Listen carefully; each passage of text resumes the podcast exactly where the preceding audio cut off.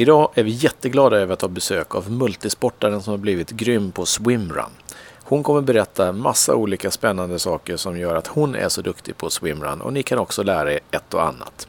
Innan vi kör igång så tänkte vi rekommendera er att åka på träningsläger. Under den riktigt tråkiga och mörka och kalla delen av året i Sverige, då rekommenderar vi er att åka till Tanjapura i Thailand. Gå in på apollo.se, sök på Apollo Sports och där hittar ni jättemånga spännande träningsläger till bland annat Tanjapura. Nu till multisportaren som har blivit swimrun-expert. Hej och välkommen till podcasten Snabbbanan. Det här är Ola Strömberg, men jag har en betydligt mer intressant gäst. Vem är det vi pratar med idag? Hej, det här är Marika Wagner. Välkommen och idag ska vi prata lite swimrun, även om du håller på med massa annan sport också. Visst är det så? Ja, det stämmer ganska bra det. Ja. Vad, är det, vad lägger du mest tid på idrottsmässigt? Vilken typ av eh, sporter, eh, äventyr och liknande? Eh, den gren som får mest tid är nog cyklingen. Eh, men det beror ju mycket på att ett cykelpass på 4-5 timmar inte riktigt sliter lika mycket som ett löppass på lika långt. Eh, men sen avgör ju såklart säsong. Eh, nu går det ju mot mer och mer swimrun-säsong och då blir det mer och mer swimrun helt enkelt. Och varför tycker du att swimrun är spännande? Det är eh, framförallt eh, frihetskänslan det ger. Det är helt eh, eh, otroligt när man väl bara släpper loss och simmar och springer eh, om vartannat. Det finns någon slags frihet i det. Och tror du att det också är anledningen till att det är en sån hype inför swimrun i dagsläget? Eller är det något annat som får folk att vilja hålla på många lopp som är fullbelagda? Jo men absolut, det tror jag verkligen. Eh, jag tror att den talar till många. Sen så tror jag också att det som eh, eh, fångar folk är enkelheten. Det är inte svårt att träna, det är inte svårt att börja, det är, krävs inte så mycket i prylar och kunskap. Och sen eh, teamgrejen tror jag är lockande. Om man till exempel kommer från eh, tri triathlon som är så individuellt baserat. Om man är nybörjare och ska börja, vad är viktigast att tänka på? Att göra det tror jag. Eh, och att, att bara sätta på sig dojor och antingen eh, baddräkt eller badbrallor eller om man har en våtdräkt och bara köra. Och inte haka upp sig på utrustningen och detaljerna. Alltså jag tänker så här, för bara ett par år sedan, två, tre år sedan, så fanns det inte ens eh, swimrun eh, våtdräkter. Och nu är det som att man måste ha en för att ens få vara med och det, så tycker inte jag att det är. Hur viktigt är det med, med prylarna då om man ändå är på elitnivå där du är högst upp så att säga? Eh, vad behöver man ha då för att göra sitt optimala och verkligen vara så snabb som möjligt? Det, det är ju väldigt olika och det är ju rätt intressant att även i toppen så ser det väldigt olika ut hur man har löst sig.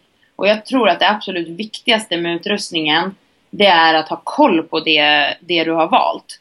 Att inte köra med en ny lösning för dolme på tävlingsdagen utan testa sig fram. Eh, och vi har ju valt en ganska så eh, minimalistisk stil eh, och jag tror så ser det väl ut i stort sett i toppen. Det är dolme och paddlar och inget mer. Och, om man ska börja med det, har du något tips på något swimrun-lopp som du tycker är speciellt eh, spännande, trevligt, fint, bra atmosfär eller vad det nu gör som att gör det lite extra bra? Ja, alltså ska jag tipsa om ett nytt, eh, eller ett lopp, om man är nybörjare så vill jag ju tipsa såklart om Sandhamn Swimrun. Mm. Som är ett lopp som jag och min swimrun-partner Staffan arrangerar. Vi eh, tänker fokusera på att göra det till en fantastisk eh, publikupplevelse. För det vet vi själva betyder så himla himla mycket när man tävlar. Eh, peppen man får längs med banan. Och hur duktig måste man vara på att springa respektive simma för att klara av då Sandhamn swimrun? Nej men jag tror att eh, man behöver ha simmat öppet vatten förut, kanske någon gång i alla fall. Men det är åtta kilometer och jag tror verkligen att om man är intresserad så klarar alla av det. Mm. Rekommenderar, rekommenderar alltså att testa Sandhamn Swimrun även om ni inte är jättebra på att springa och simma? Absolut. Mm. Och hur, om man väljer partner för tävlingarna, vad är viktigast att tänka på då? Eh, jag tror att det absolut viktigaste är att man har kul ihop. Eh, så att man tränar ihop också och eh, verkligen har det här målet tillsammans. Eh, och verkligen ser sig som en del i ett team tillsammans med den här personen. Sen tror jag också att många säger så här, ja, men jag är inte så bra på att simma så jag behöver en stark simmare. Men jag tror att man ska vara bra på samma sak. Alltså, om du är jätteduktig löpare, så ta en annan duktig löpare så ni kan verkligen köra på där, när det är eran gren och briljera där och så får man överleva det andra. Just det, precis. Annars kan det vara att man, minsta gemensamma nämnaren är ju då den som blir långsammast förmodligen. Det kanske inte är så jättekul. Jag tror att det är lätt att tänka att eh, den svagaste länken och sådär. Ja. Eh, jag tror att man ska tänka att det är ett team. Istället för att vara jämna så ska man jämna ut. Tror du att swimrun kommer bli en, mer en vanlig sport om man säger så med ungdomsverksamhet och barn och liknande eller kommer det vara mer äventyr för lite mer vuxna människor? Jo, men alltså jag tror absolut att det här passar barn och ungdomar, så varför inte? Och sen så tror jag också att, det kan, att swimrun kan ändra ganska mycket vad som är en vanlig sport. Och hur mycket tränar du specifikt swimrun nu? Det kommer bli mer och mer, framför allt eh, ifrån juli och framåt ÖTÖ så ligger den stora tyngdpunkten på swimrun.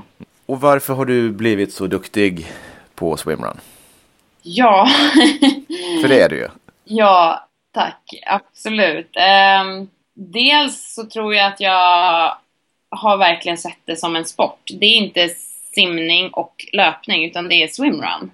Och eh, sett till helheten för den sporten.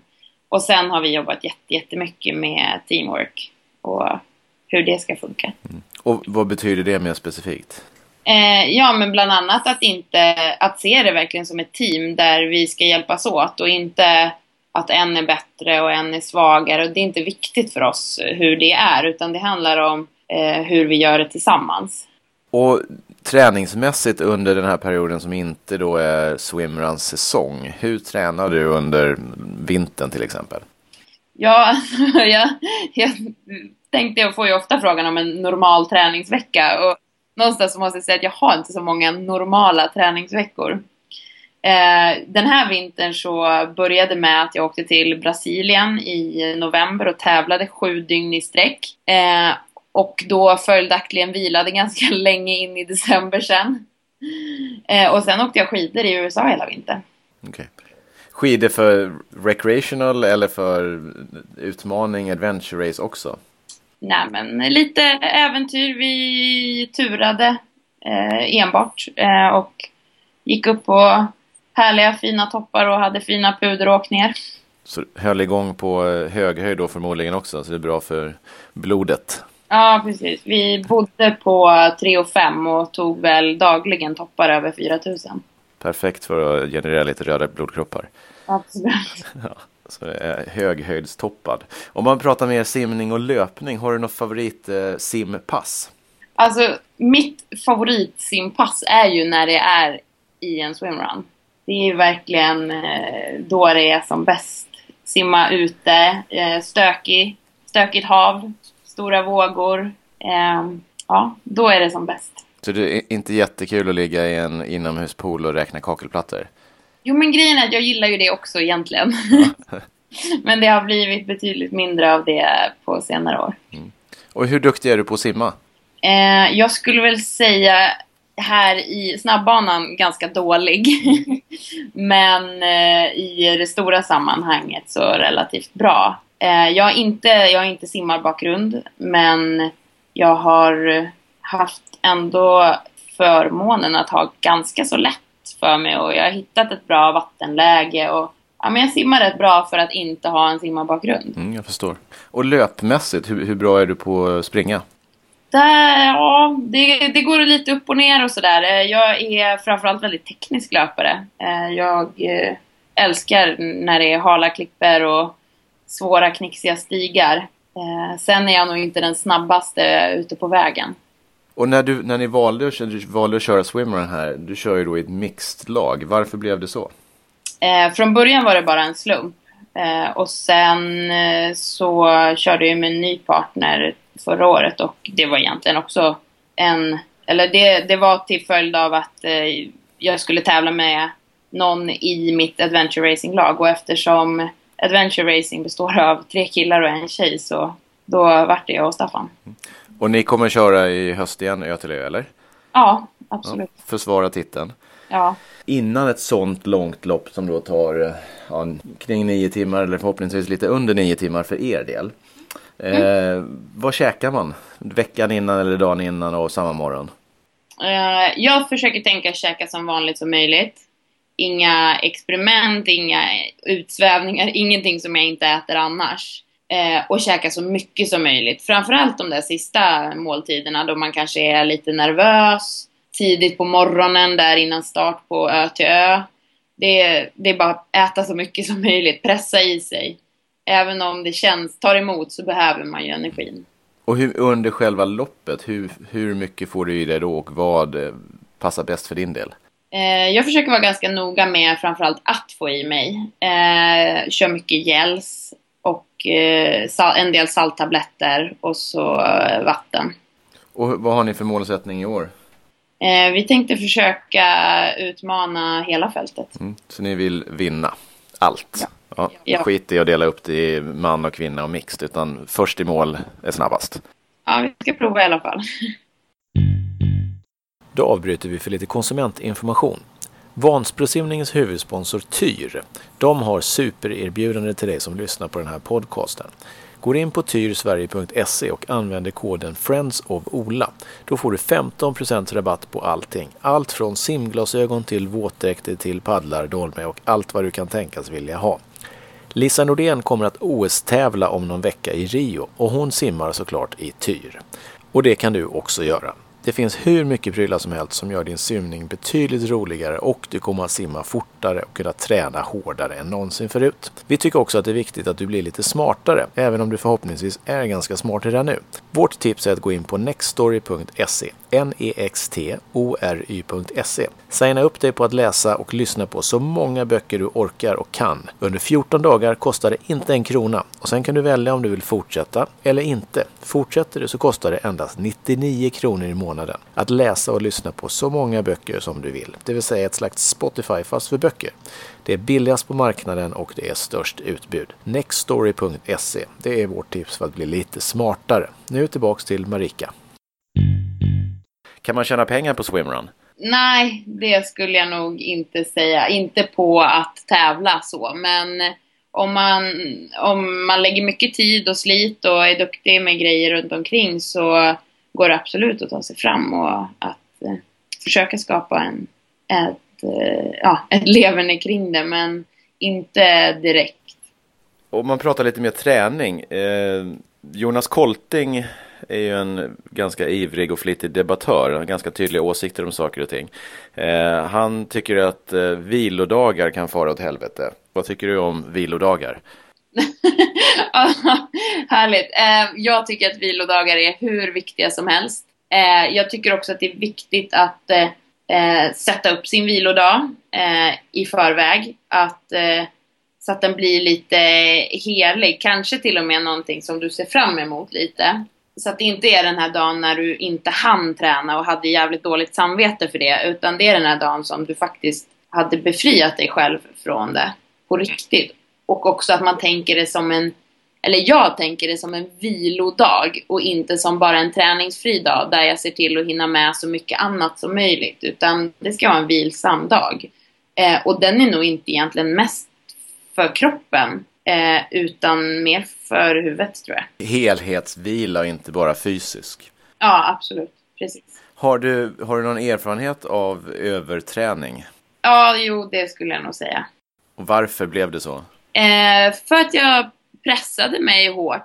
Om jag tittar till träningsmängden och träningsintensiteten så tränar jag både mer och hårdare nu.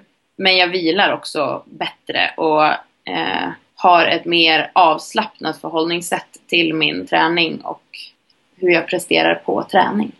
Och under de här månaderna framöver när ni kommer börja köra lite mer specifik träning för swimrun, hur mycket trä tränar ni då? Jag vet att du inte har en normal vecka, men på ett ungefär? Ja, det är totalt, och då är det ju verkligen inte bara swimrun, men kanske 15 timmar. Det är inga jättestora veckor faktiskt. Nej, det är väl humant. Det är en stor vecka ska jag säga. Det beror på vem som lyssnar. Nu satt jag lite kvar här med Jonas Kolting i huvudet. Jag lyssnade på en podd med honom precis innan nu och han pratade om att han gjorde 40 timmars veckor. Ja, jo. Eh, Ja. Men ja, det finns Ja. ja, ah, jag vet inte om han verkligen gör det, men han har väl gjort det.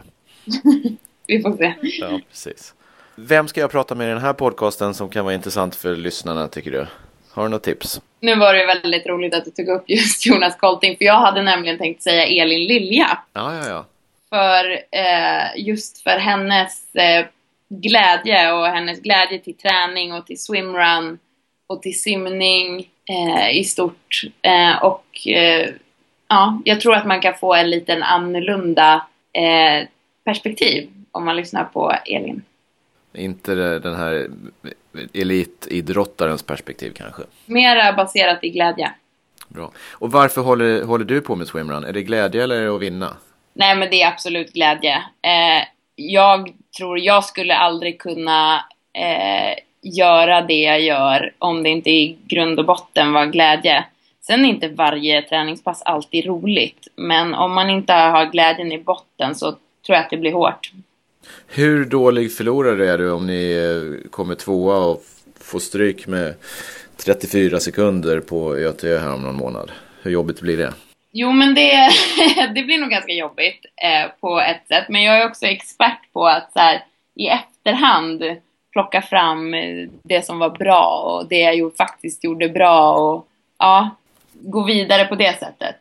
Men eh, ja, sen beror det lite på. Eh, vi kom tvåa på Utö nu mot eh, Kristin och Daniel som är fantastiska atleter så att eh, det ser jag ju bara som en, som en prestation också att ens få tävla mot dem.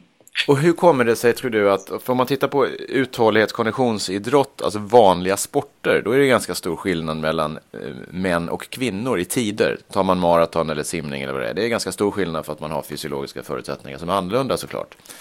I swimrun nu så kommer ni närmare och närmare som är ett mixed lag. Eh, Och även nu på Utö så var det ju väldigt nära de allra, allra bästa.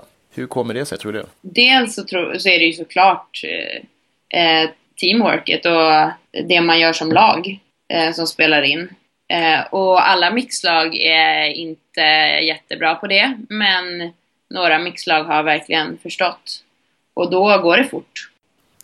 Bra, jag är ganska nöjd. Är det någon fråga som jag borde ha ställt som eh, du har förberett dig extra noga på? Nej, jag är, jag är också nöjd. Det var en jättestor ära att få, få vara med i, på snabbbanan. Eh, Jag tittade igenom alla tidigare avsnitt och det är, det är en eh, fin skara att få ställa sig till. Här är bara, bara, vi har bara stjärnor här, så du, Tack! du är där nu. Tack, härligt. Marika Wagner, tack så jättemycket och lycka till i sommar. Tack själv. Jag hoppas att ni tyckte det var intressant att lyssna på Marika Wagner och hennes erfarenheter från swimrun och annan träning. Om ni nu ska simma i en simbassäng nära er, utomhus eller inomhus och förhoppningsvis då på en snabbbana, se till att följa de oskrivna reglerna. Ja, eller faktiskt, de finns skrivna också. Gå in på simregler på Facebook så vet du allting du behöver veta för att göra rätt på den så kallade snabbbanan i en simbassäng nära dig. Lycka till och simma fort som tusan!